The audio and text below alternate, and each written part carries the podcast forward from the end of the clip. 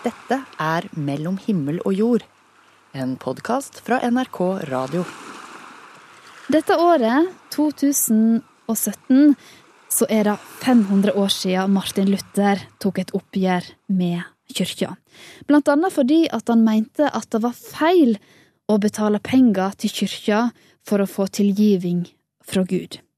Dermed så starta reformasjonen, som etter hvert spredde seg til Norge, og vi fikk den evangeliske lutherske kyrkja. Reformasjonsjubileet da kommer til å bli markert i Mellom himmel og jord utover året. Og vi blir ikke de eneste. Men du, hva veit du egentlig om reformasjonen, og hva veit folk rundt deg? Kollega Ove Gundersen han har tatt med seg mikrofonen ut på et kjøpesenter. Nei, jeg har dessverre ikke det, så der vet jeg ingenting. Kjenner du til eh, en mann som het eh, Martin Luther? Uh, Kingen du tenker på?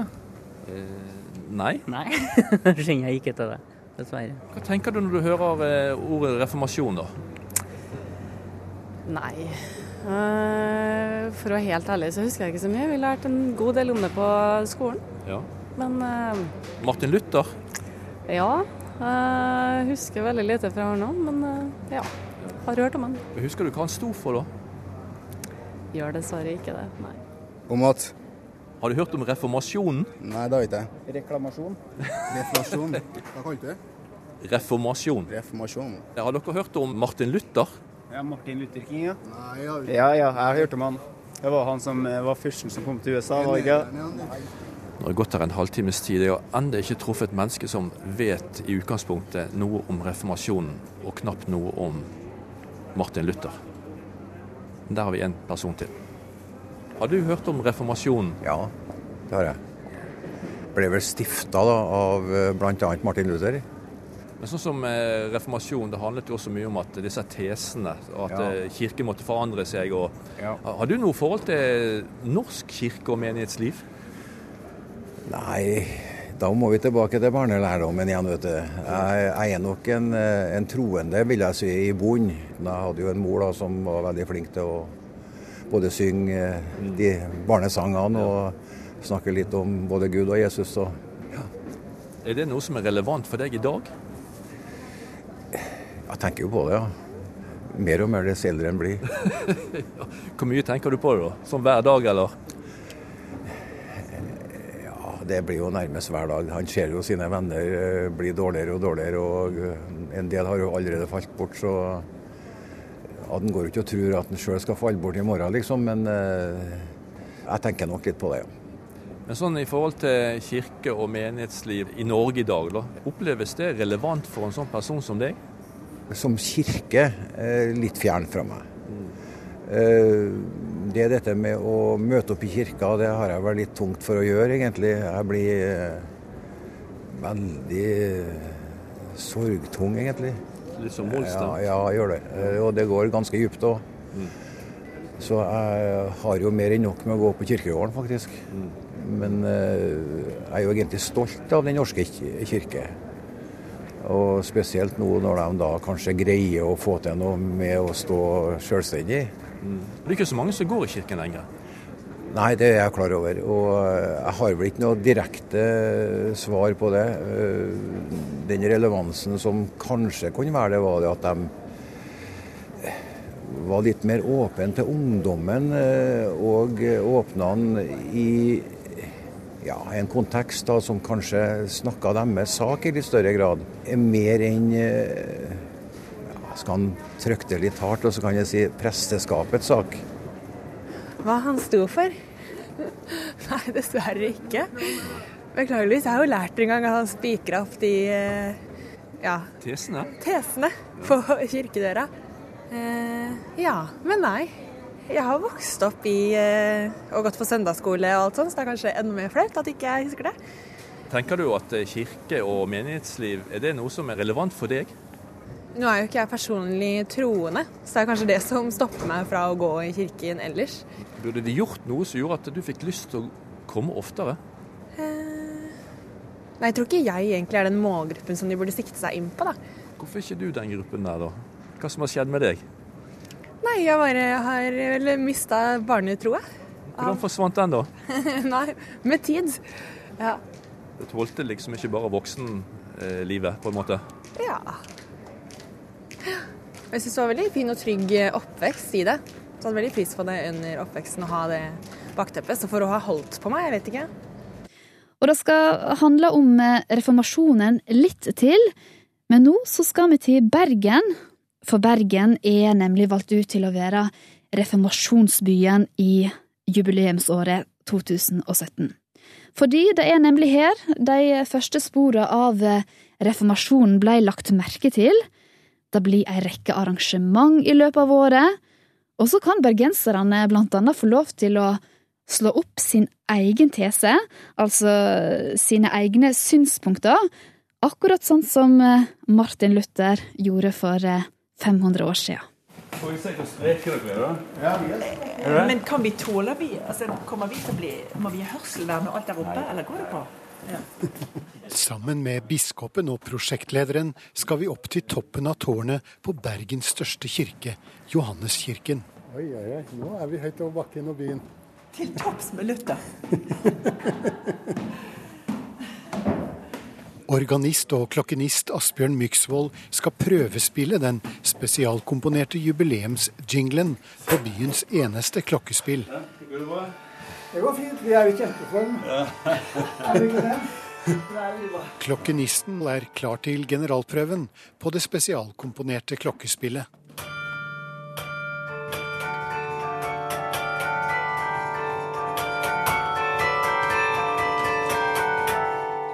Imens nede på bakken forsøker en kranbil å feste en svær, hvit skjerm på kirkens frontvegg ved toppen av trappene ned mot sentrum og Torvaldmenningen. Det er svære greier. Halvor Nordhaug er biskopen i Bjørgvin. Og Der skal det da stå en tese for hver uke fremover for å markere reformasjonsjubileet, som jo begynner med at Martin Luther slår opp disse tesene, eller noen slår opp disse tesene på vegne av han, på kirkedøra i Wittenberg 31.10.1517. Luthers 95 teser, eller påstander, skulle forandre Europa. Selv ville han bare få slutt på avlatshandelen. Et omfattende finansielt system hvor pavekirken sikret seg enorme inntekter ved at mennesker måtte betale for synstilgivelse. Men resultatet ble så mye mer dramatisk, også i Norge. Ja, altså Vi har vel kilder som eh, sier at det kom bekymringsmeldinger midt på 1520-tallet til erkebiskopen i Trondheim om at lutheriet hadde spredt seg blant hansiatene på Bryggen, og at det var holdt i hvert fall én Luthers preken eh, blant hansiatene på Bryggen her i Bergen. Det var jo ikke noen bred folkebevegelse for reformasjonen i Norge. Det var noe kongen innførte. Men blant hansiatene, som jo var langt på vei tyskere, mange av dem, så var det jo en støtte for Luther eh, allerede før reformasjonen kom. I dag starter 500-årsjubileet med nye teser. Hver uke framover skal folk eller organisasjoner få presentere sin tese på kirkeveggen. Poenget med dem er jo å følge opp eh, på en måte det Luther gjorde. Han slo opp teser om det som engasjerte han, nemlig kampen mot avlaten. Og Det er mye som engasjerer folk i dag, ikke minst i Bergen er det mye engasjement til enhver tid.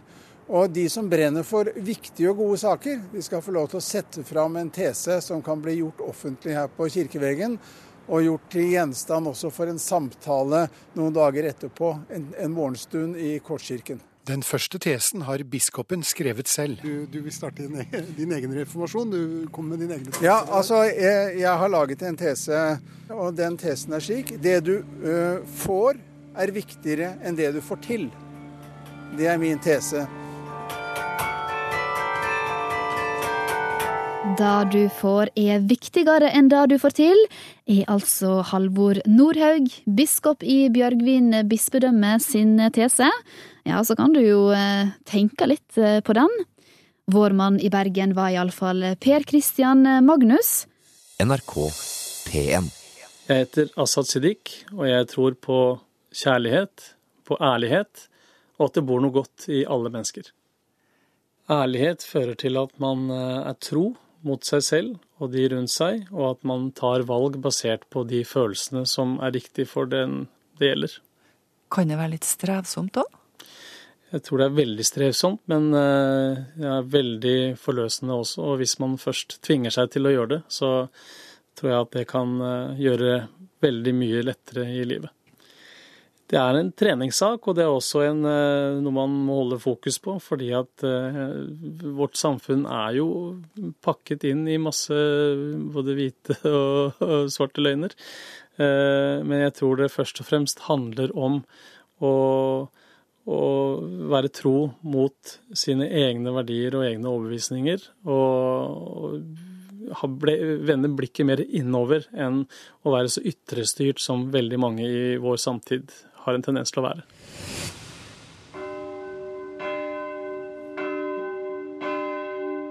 Altså Det var en, en vanlig gudstjeneste i, i, i Granvin med en, kanskje 10-15 personer. Um, så det var egentlig ikke noe sånn veldig spesielt med den gudstjenesten. Det var ikke noe som skilte seg ut.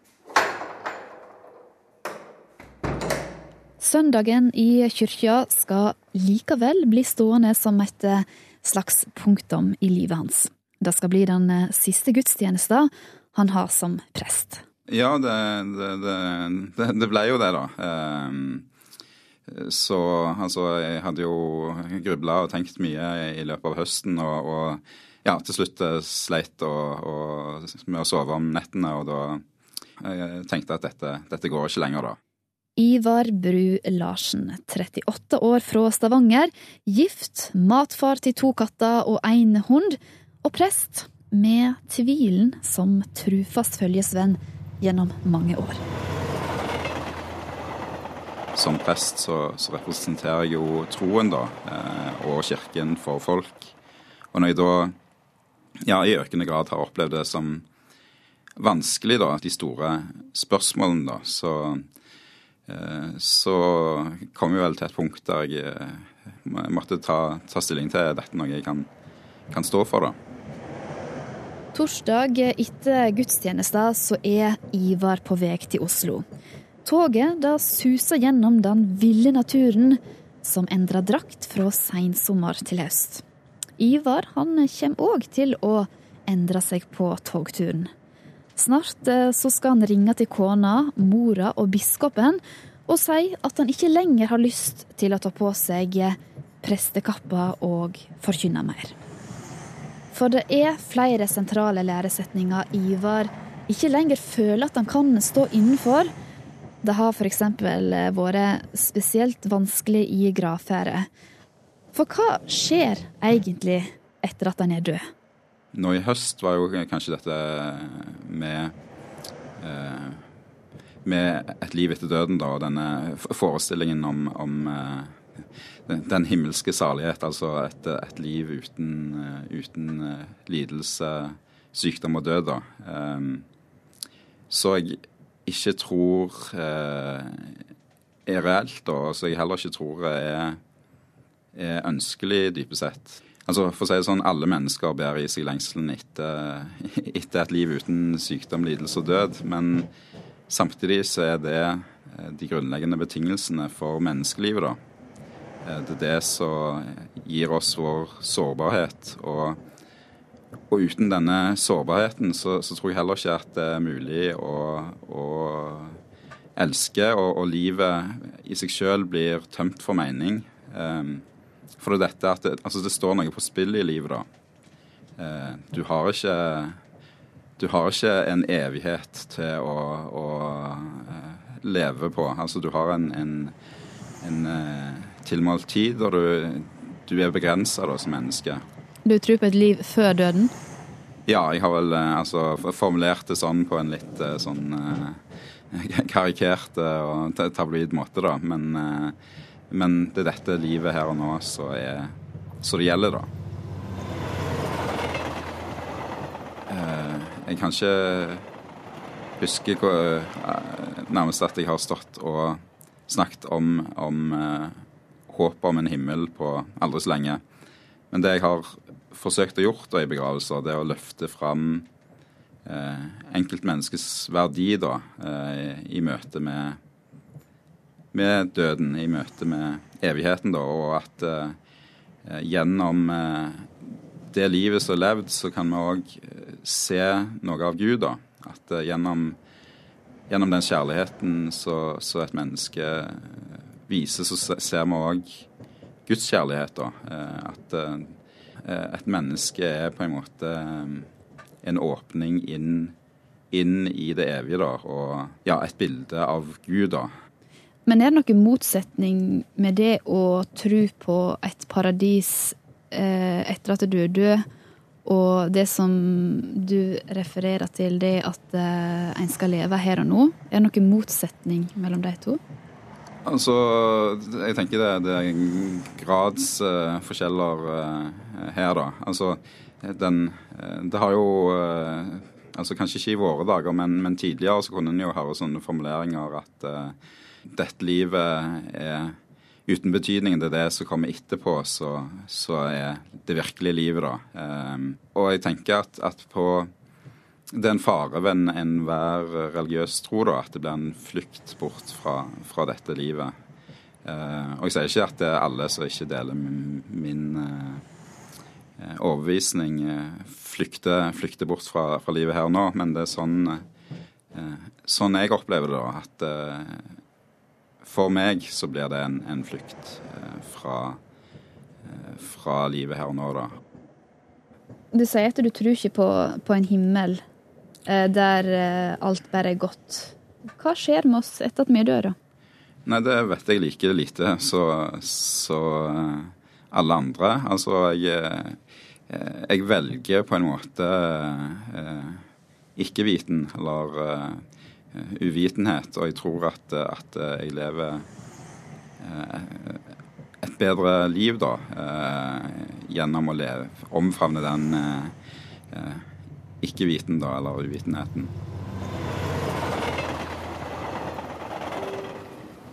Hvis f.eks. du blir stoppa på gata nå av folk der du bor, eller en annen, helt annen plass, mm. og så spør du deg er du kristen nå, er du ateist, Mm. Hva er du for noe, egentlig? Ja, og det, altså det Jeg tenker å gi et kort svar ja eller nei på et spørsmål om jeg er kristen eller om jeg tror på Gud, det, eh, det er ikke så interessant da, hvis det ikke fører til en, en dypere forståelse av eh, hva jeg eh, legger i det, da. Og hvis, hvis, altså hvis en, en, person spør meg om jeg tror på Gud, og, og den personen da tenker på Gud som en eh, gammel mann med, med skjegg og som sitter i himmelen, så er det klart nei, den guden tror jeg ikke på. Eh, og sånn sett så vil jeg jo, i forhold til den guden, så vil jeg jo være ateist, da. Men i forhold til det andre? Altså i forhold, i forhold til, til, Gud, sånn som jeg eh, uttrykker min tro, da, så, så, tror jeg på Gud. Og hvis jeg skal, skal si hva, hva, jeg tror på, da, så tenker jeg om Gud som en personifisering av livet sjøl, da. Gud som en eh, Som denne livskraften da, som utfolder seg gjennom skaperverket, da. Gud bor i hvert menneske? Ja, jeg, jeg, jeg, eh, jeg tenker eh, på sett og vis det, altså. Ivar er nå tilbake igjen i Hardanger, og det har gått noen måneder siden han eh, bestemte seg for å slutte som prest. Altså, jeg, jeg, har, det, jeg har, det, bra med, med, den eh, beslutningen jeg har uh, kommet til. da. Altså, jeg, jeg, har opplevd det som en, en eh, lettelse å ja, og fortelle om, om det til, til, folk, da. Og samtidig så det selvfølgelig var, var skummelt, og jeg var usikker på hvordan folk ville reagere, da. Um, men eh, altså, jeg, har, jeg, har det, jeg, tror det var en, en riktig avgjørelse.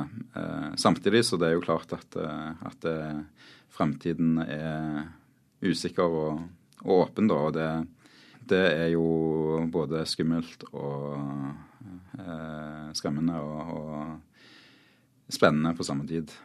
Hvordan veit en egentlig at det, noe er en rett beslutning? Altså, det, det handler jo om å, å lytte til, til altså en, en, stemme dypt i seg sjøl, da. Um, og uh, oppleve en uh, ja, en, en, en, fred og, og ro, og, og, at, du, at, jeg kan være fullstendig ærlig, da. Det er jo det. Uh, altså, jeg kan si eh, det jeg tenker og mener uten forbehold, da. Uten å tenke at, eh, at jeg representerer noe annet enn meg sjøl, da. Får du sove bedre om natta nå? Ja, altså jeg har egentlig alltid hatt et godt sovehjerte, så, så den eh, nattesøvnen er bra nå, ja.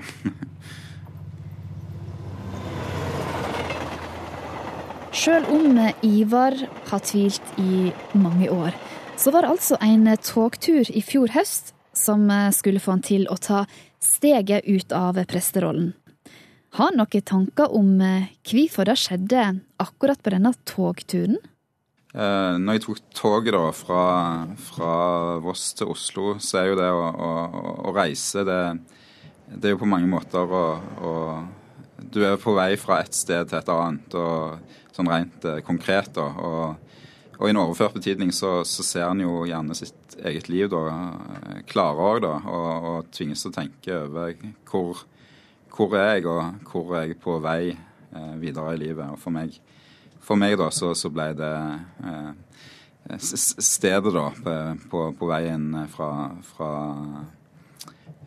fra Ulvik og, Voss til, til, Oslo, da. Det ble den eh, reisen der jeg kom fram til avgjørelsen da, om å slutte som prest. Og her skal vi forlate Ivar Bru Larsen, som er på full fart inn i en ny hverdag. Fram til han sier opp, så skal ikke han jobbe som prest i Granvin og Ulvik. Det har biskopen i Bjørgvin og Ivar kommet fram til i fellesskap.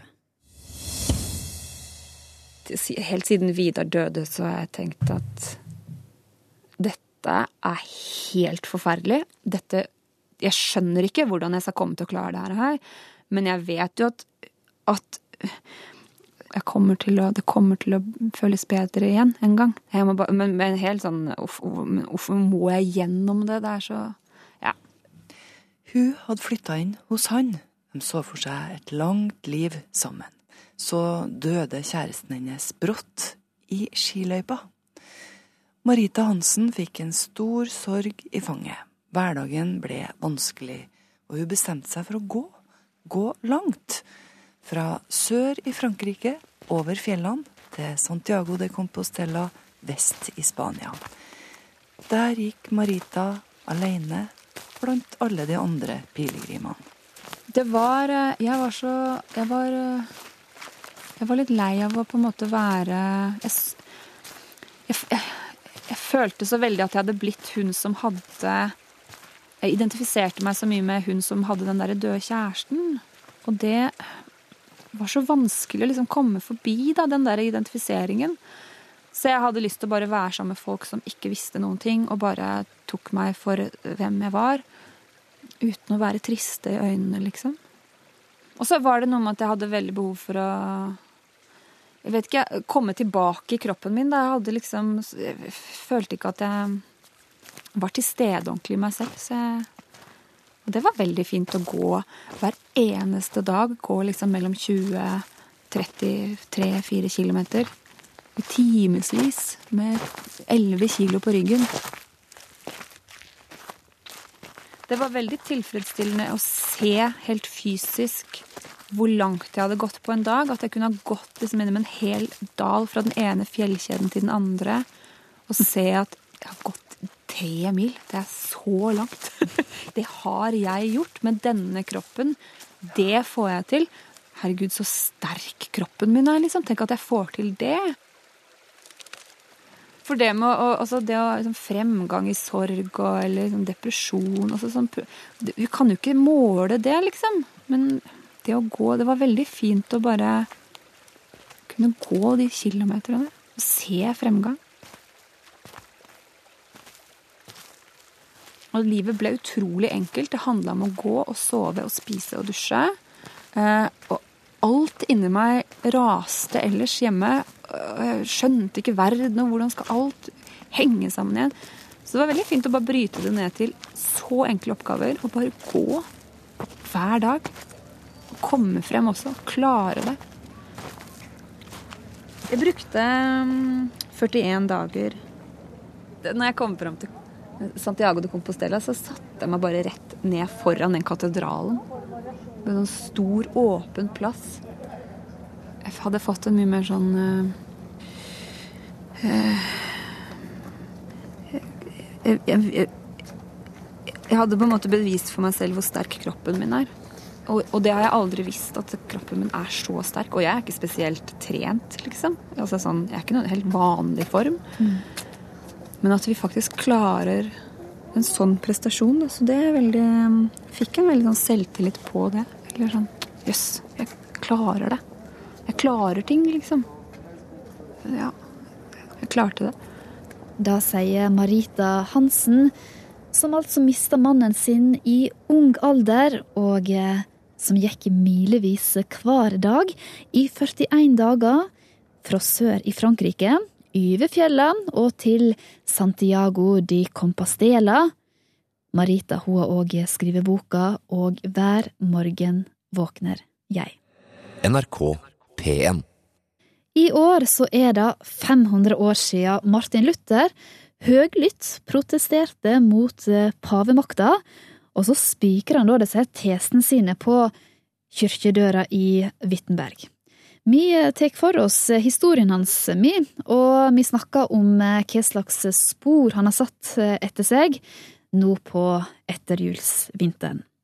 Sist helg så hørte vi da at eh, vesle Martin Luther han kom til verden i 1483. Han blei høyt elska og svært strengt holdt av foreldra sine. En gang så hadde han eh, faktisk eh, rappa ei nøtt, altså han hadde stjålet ei nøtt. Og da ble mor hans så sint at hun slo han til blods. Som ungdom så begynte Martin Luther å studere juss, men det var ei bestemt hending som eh, skulle lede han i ei anna retning. Han kom nemlig ut for et voldsomt uvær, og han trodde at han skulle bli truffet av lynet. Derfor så avga han et løfte. Hjelp meg, Sankt Anna. Jeg vil bli munk. Og fordi han overlevde her, så skulle han også vie sitt liv til Gud. Hvis man ville ta religion på alvor, eh, virkelig ta den på alvor, så måtte man gå inn i et kloster. For klosteret i klosteret så levde man ut det religiøse livet fullt og helt. Ikke bare på vegne av seg selv, men også på vegne av hele samfunnet. Tarald Rasmussen forteller at eh, det er slett ikke uvanlig å vie hele sitt liv til Gud på denne tida. I Erfurt f.eks., hvor den unge Martin Luther levde og studerte på 1500-tallet, så var det om lag 20 000 innbyggere, og 1000 av dem var enten munker, nonner eller prester. Tenk deg det, hvis det var en så stor prosent av Norges befolkning i 2017 som hadde religion som levevei, så var det altså i Alta, da, for eksempel, 1000 nonner, munker eller prester. Det sier jo noen ting om religionens stilling i 1500-tallets Tyskland. Men altså, Martin Luther er fortsatt styrt av Guds frykt. Jeg avla det hellige løftet, ikke for min mages skyld, nei, det var for min sjels frelse. Og det er ikke enkleste løsning for han, det her livet i klosteret. Nei, han han strevde med å overbevise seg selv om at han ville velge dette religiøse livet. Mm. Og en av grunnene jo, var jo at faren var veldig imot. Eh, da, da Luther kunngjorde at uh, han ville gå i kloster i juli 1505, så ble faren ordentlig både skuffet og sint. Mm. Det ga seg litt etter hvert, men forholdet til faren det forble ganske vanskelig. Og Luthers vei videre den førte jo til at han to år senere skulle vies til prest i domkirka i Erfurt. Da møtte faren opp, kom og skulle være med, men eh, tok på nytt opp spørsmålet om dette var riktig for Luther, og utfordret Luther og ba han snu. Og det, det var med på også å få Luther til å tenke seg om, så han hadde et tvetydig forhold til klosterlivet, både pga. faren og fordi han også hadde en opplevelse av at det var farlig å komme for nær eh, det hellige, så å si. Det fortelles da han skulle prestevies og lese sin første messe, så holdt han på å rømme ut av kirka, for han syntes det var så skummelt. Å stå for alteret og lese messen. Og det var ikke fordi han ikke tok religionen på alvor, snarere tvert imot. Han var redd for å komme i så nær kontakt med det hellige som han gjorde når man leste messen. Det høres ut som det var en del gudsfrykt her, da. Ja, det var mye gudsfrykt. Mm. Han var redd for Guds dom. Han var lært opp i en teologi som la veldig stor vekt på Guds allmakt, Guds makt. Gud er uh, ikke bare snill, men han er også mektig og farlig. Og han er en som dømmer. Han dømmer ut fra sin egen rettferdighet. Og den rettferdigheten må menneskene leve opp til, og det er farlig hvis man ikke klarer det. Gud straffer oss, men ikke direkte. Nei, han gjør det enten med fattigdom, med en sur kone, umulige barn, eller på et annet vis. Her i nord straffer også Gud hardt. Kirka og klostrene har stor makt. Og klostrene lever godt på gaver fra befolkninga, mellom annet. Det er ikke uvanlig å gi en jordlapp til klosteret, eller kanskje ditt aller fineste klede, eller et vakkert beger i sølv. Og formålet med det var stort sett at klostra eh, og de nonnene og munkene som var i klostra, skulle be for det, og be for sjela di når du døde. Be for sjela di, eller be for sjela til en nær familiemedlem som du, du otta for da når den var død. For i mellomalderen i katolsk tru så hadde de jo den her utvikla den her tanken om at eh, før du kommer til himmelen eller til helvete, så må du gjennom skjærsilden. Det var en sånn slags mellom, eh, mellomstasjon før du kom til den endelige dommen. Og tanken var da at hvis du ga gaver til et kloster eller til ei kirke, og fikk eh, noen til å be for sjela di, så ble det oppholdet i skjærselden lettere. Det kunne bli kortere, og det kunne bli mildere. Så den herre utvekslingstanken, da, kan du si at eh, ja, jeg er et eh, menneske som er, opptatt av livet etter døden. Og de som kan hjelpe meg med veien til livet etter døden, det er de geistlige, altså enten prester eller og da nonner og munker. Men det var ikke bare skjærsilden klostrene kunne hjelpe oss vanlige dødelige gjennom. Munkene og nonnene hadde kunnskap om planter som kunne lindre sykdom, og klostrene fungerte gjerne som sykestuer. Sigrun Høgetveit Berg hun ser også i testamenter fra denne tida at folk skriver at de har ordna seg med det de kaller provent.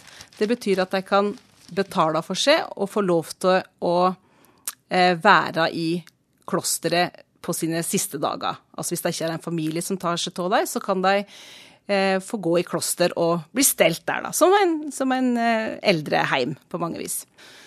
Og jeg kom akkurat over ei veldig vakker historie om ei eh, jente, eller ei enke, fra Hamar, som hadde fått et barn etter at mannen var død. Og barnet var født i dølgsmål, altså vil si hun gikk ut i skogen for å få barnet sitt i hemmelighet. Og så har hun altså forklart at eh, det her barnet ble født. Hun svor på at det var avla mens mannen hennes fortsatt var i live. Eh, og så har hun da forklart at det kom en bjørn og tok med seg det døde barnet og gravla det i hålet langt borte. Dette var det ikke så mange som trodde på. Og biskopen i Hamar, Sigurd, han dømte henne til fem års eh, avlat. Altså hun måtte sone i fem år for den synda det var å både føde et barn i dølgsmål, men også var hun nok mistenkt for at det barnet var avla med noen andre enn mannen hennes. Ja, så han dømmer henne til fem års avlat. Fem års pilegrimsreise må hun gå fra kirke til kirke og sone synda si. Så møter henne når hun kommer til Vadstena kloster i Sverige. Så hun, Ingrid da, kommer hit på, til Vadstena eh, i løpet av sin lange, slitsomme pilegrimsreise. Og de holdt på å si ser i nåde til henne og skriver et brev til biskopen i Hamar og ber han om å ta henne i nåde og mener at nå må hun få gjort opp for syndene sine.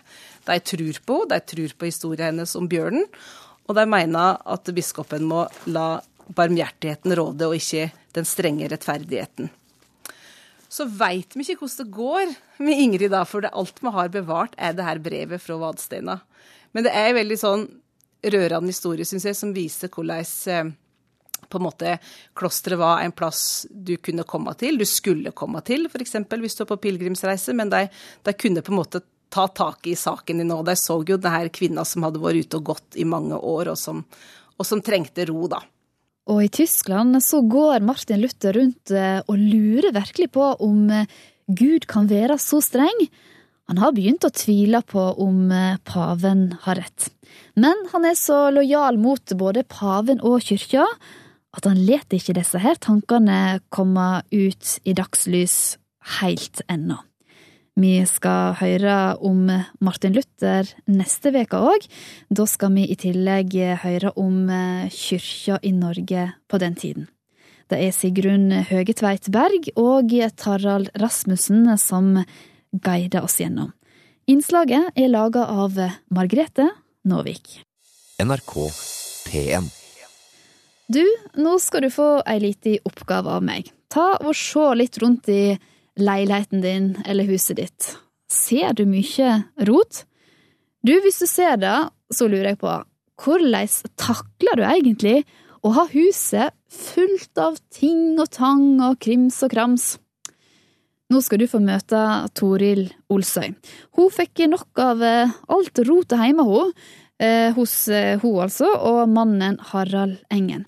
Og de tok rett og slett en generalopprydning som varte i flere måneder i fjor. Nå er det bare tinga på loftet som står igjen. Noter. En kasse med noter, men det er sikkert ikke noter oppi der, for du Å, oh, der er lampa som har lett etter. Den skulle vi ha på hybel. Ja, men det står jo noter der. Det er du som har lagt nedi der. Har du ikke styr på lampene? Toril og Harald står foran en rad svarte esker som er stabla tre og tre i høyden. Harald starta som barn å samle på frimerker og mynter, og har siden spart på alt mulig. I eskene ligger bilradioer, kabler, musikkutstyr og gamle papirer, for Harald liker fortsatt både å samle på og kjøpe ting. Ja, så fremt at man føler at man har gjort et kupp, så. Så gjør jeg jo det. Men å skaffe seg ting for enhver pris, det er jo ikke aktuelt i hele tatt, altså. Da, da går man jo konkurs med en gang når vi ble sammen, da, så da Først jeg begynte med å rydde opp på badet til han i Oslo. Jeg bodde her i Trondheim og var på besøk til han i Oslo. tok av sjampoflaskene og tømte opp i hverandre. For jeg liker bare å ha én sjampoflaske og én Ja, sånn, da. Så det, det har jeg slutta med nå. Han får lov til å ha litt Ja, har blitt litt rundere i kantene, da. Se, gitarting, ja. Det er favoritten. Ja, dem er akkurat det jeg leter etter for det skal jeg Ja. ha den i kjelleren. Ja. Vi ta med hele eska, sikkert. Kassene på loftet er noe av det siste som skal gås gjennom etter at Toril fikk nok av alle tingene som tok plass i huset. Jo, jeg følte jo at jeg vassa i rot, da. At jeg liksom, jeg kom jo ikke inn, eh, inn på rommene fordi det liksom sperra for. Det sto pappesker der, og det eh, var ting i veien som, som gjorde at det ble dårlig flyt da, i, ja, i energien inni meg sjøl og energien i huset, da. Hvis du tenker på hellige rom i, i kirka eller moskeer eller eh, andre boliger der det foregår uh, åndelig og spirituell aktivitet, da, så er det jo, det er jo ryddig. Og det, det er rent. Eh, og, og det hever jo energien i, i bygningen òg, at det er rent og ryddig. Og det er lettere for sinnet å roe seg ned da, når du har orden og, og ro og enkelt, enkelhet, vil jeg si. Så, så det, det påvirker i hvert fall meg. Toril ble stressa og sur av alt rotet i huset, og fikk Harald med på ryddekurs. I tillegg leste Toril flere bøker om rydding, og i januar i fjor gikk hun i gang med en generalopprydning, etter metoden til den japanske ryddekonsulenten Marie Kondo. Det betyr at alt i huset er nøye vurdert, og bare det som gir glede, får være der. Først ut var Harald sine klær. Begynne med klærne først, for det er lettest å kvitte seg med. Og da samla jeg opp alle hans klær eh, i hele huset, fra kjeller til loft. Og så fikk jeg klesstativ. Så fylte vi hele stua med sju klesstativ, og så måtte han gå på moteoppvisning da, og, og foran søstera mi og svogeren min. Og så, så gjør de sånn eller sånn. Så han klarte å kaste tre søppelsekker med klær. da. Og det, ah, da ble jeg i godt humør, for da blir det ryddig i skap og skuffer. Hva syns du om denne eh, greia? da? Jo, det var nå litt utfordring, da. Å, og eh, prøve en masse klær, da, og sånn for å, å liksom la andre folk eh, eh, vurdere litt om jeg burde ha dem eller ikke. Men jeg fikk nå lov til å, til å eh, bestemme litt sjøl når det var noen tvilstilfeller, faktisk. Så vi kom nå i havn. Og nå henger skjortene hans pent sortert i skapet på soverommet. Lyse farger der, og så mørkere og mørkere. mørkere. Ifølge Marie Kondo så blir du godt humør da når du ser den lyse fargen først. Er det sant, da? Jeg vet ikke. Jeg blir nå godt humør i hvert fall nå av å se inn i klesskapet til Harald. da. Istedenfor før så var det sånn Åh, det ser ikke ut her. Etter å ha rydda i klærne i huset fortsatte Toril til neste kategori, og sånn holdt hun på i et halvt år. Hun har ikke oversikt over hvor mye de har kvitta seg med, men selv om hun ikke rydder like mye nå, er rydding blitt en livsstil. Ja, er ikke det for alle, da? tenker jeg at eh, det er jo, I Vesten så har vi jo altfor mye. Så vi, vi, vi, kveles jo i vårt eget rot hvis at vi ikke klarer å rydde. Uh, stuffication det er jo et nytt ord som har kommet fra USA. at vi, Ikke suffication der vi kveles, men stuffication. ikke sant? At vi, vi bare drukner i, rot. At vi blir, vi blir rett og slett uh, dårlige av det. Vi kvalmer av alt vi omgir oss med, for vi, vi har altfor mye. da. Og, og, det er jo egentlig litt kvalmende da, at du liksom lagrer opp da, masse ting som du ikke bruker. Og så finnes det folk eh, som ikke har noe, som, som, virkelig trenger de tingene som du sitter og ruger på. da. Det, det blir jeg uvel av å tenke på. Så, så, det er jo egentlig en samfunnsplikt å dele av vår overflod. Det, du trenger ikke å, å, sende det så langt. Du trenger ikke å liksom, sende det til Afrika, liksom, eller sånn, for det finnes folk i din egen by som, eh, som ikke har så mye. Ja. Bilstereo uten front. På loftet er tre av de svarte eskene klar for å bli rydda bort. Det blir jo mer ryddig, da. I alle aspektene som det medfører, så får man jo eh, mindre å, å diskutere om, da. Som kan bli en krangel òg, kanskje. Så uh, får man en mer uh, hva skal vi kalle det, smidig, harmonisk eh, samvær. Tre pappesker oppå hverandre. Det har rett og slett blitt mindre krangling om ting hjemme hos Toril og Harald etter generalopprydninga. Og Harald har slutta å slå til på alle kuppene han kommer over. Og Toril har også lært noe om seg sjøl. Det er fort at man går og klager på alle andre, og så ser man ikke sitt eget. Så det, det har vært lærerikt i prosessen, da. At jeg har faktisk ganske mye ting jeg som eh, jeg kan eh, få orden i. Og, og det å være litt rund i kantene, da. Og heller fokusere på hvor godt humør man blir når ting er i orden. Men altså, er du glad nå, eller? Jo, øh, jo, jeg føler det. Om det har med at vi tok den alvorlige opprydninga, da, jeg vet ikke. Men nå når vi er i gang med nye året, da, så, så kjenner jeg at nå slipper jeg å, å, å, å bruke energi på det, i hvert fall. Og, holde på med det. Så, så, da skaper det jo rom for noe nytt, da. Når du har rydda vekk det gamle. Ja, jo, jeg står opp om morgenen så kjenner jeg at jeg er lykkelig.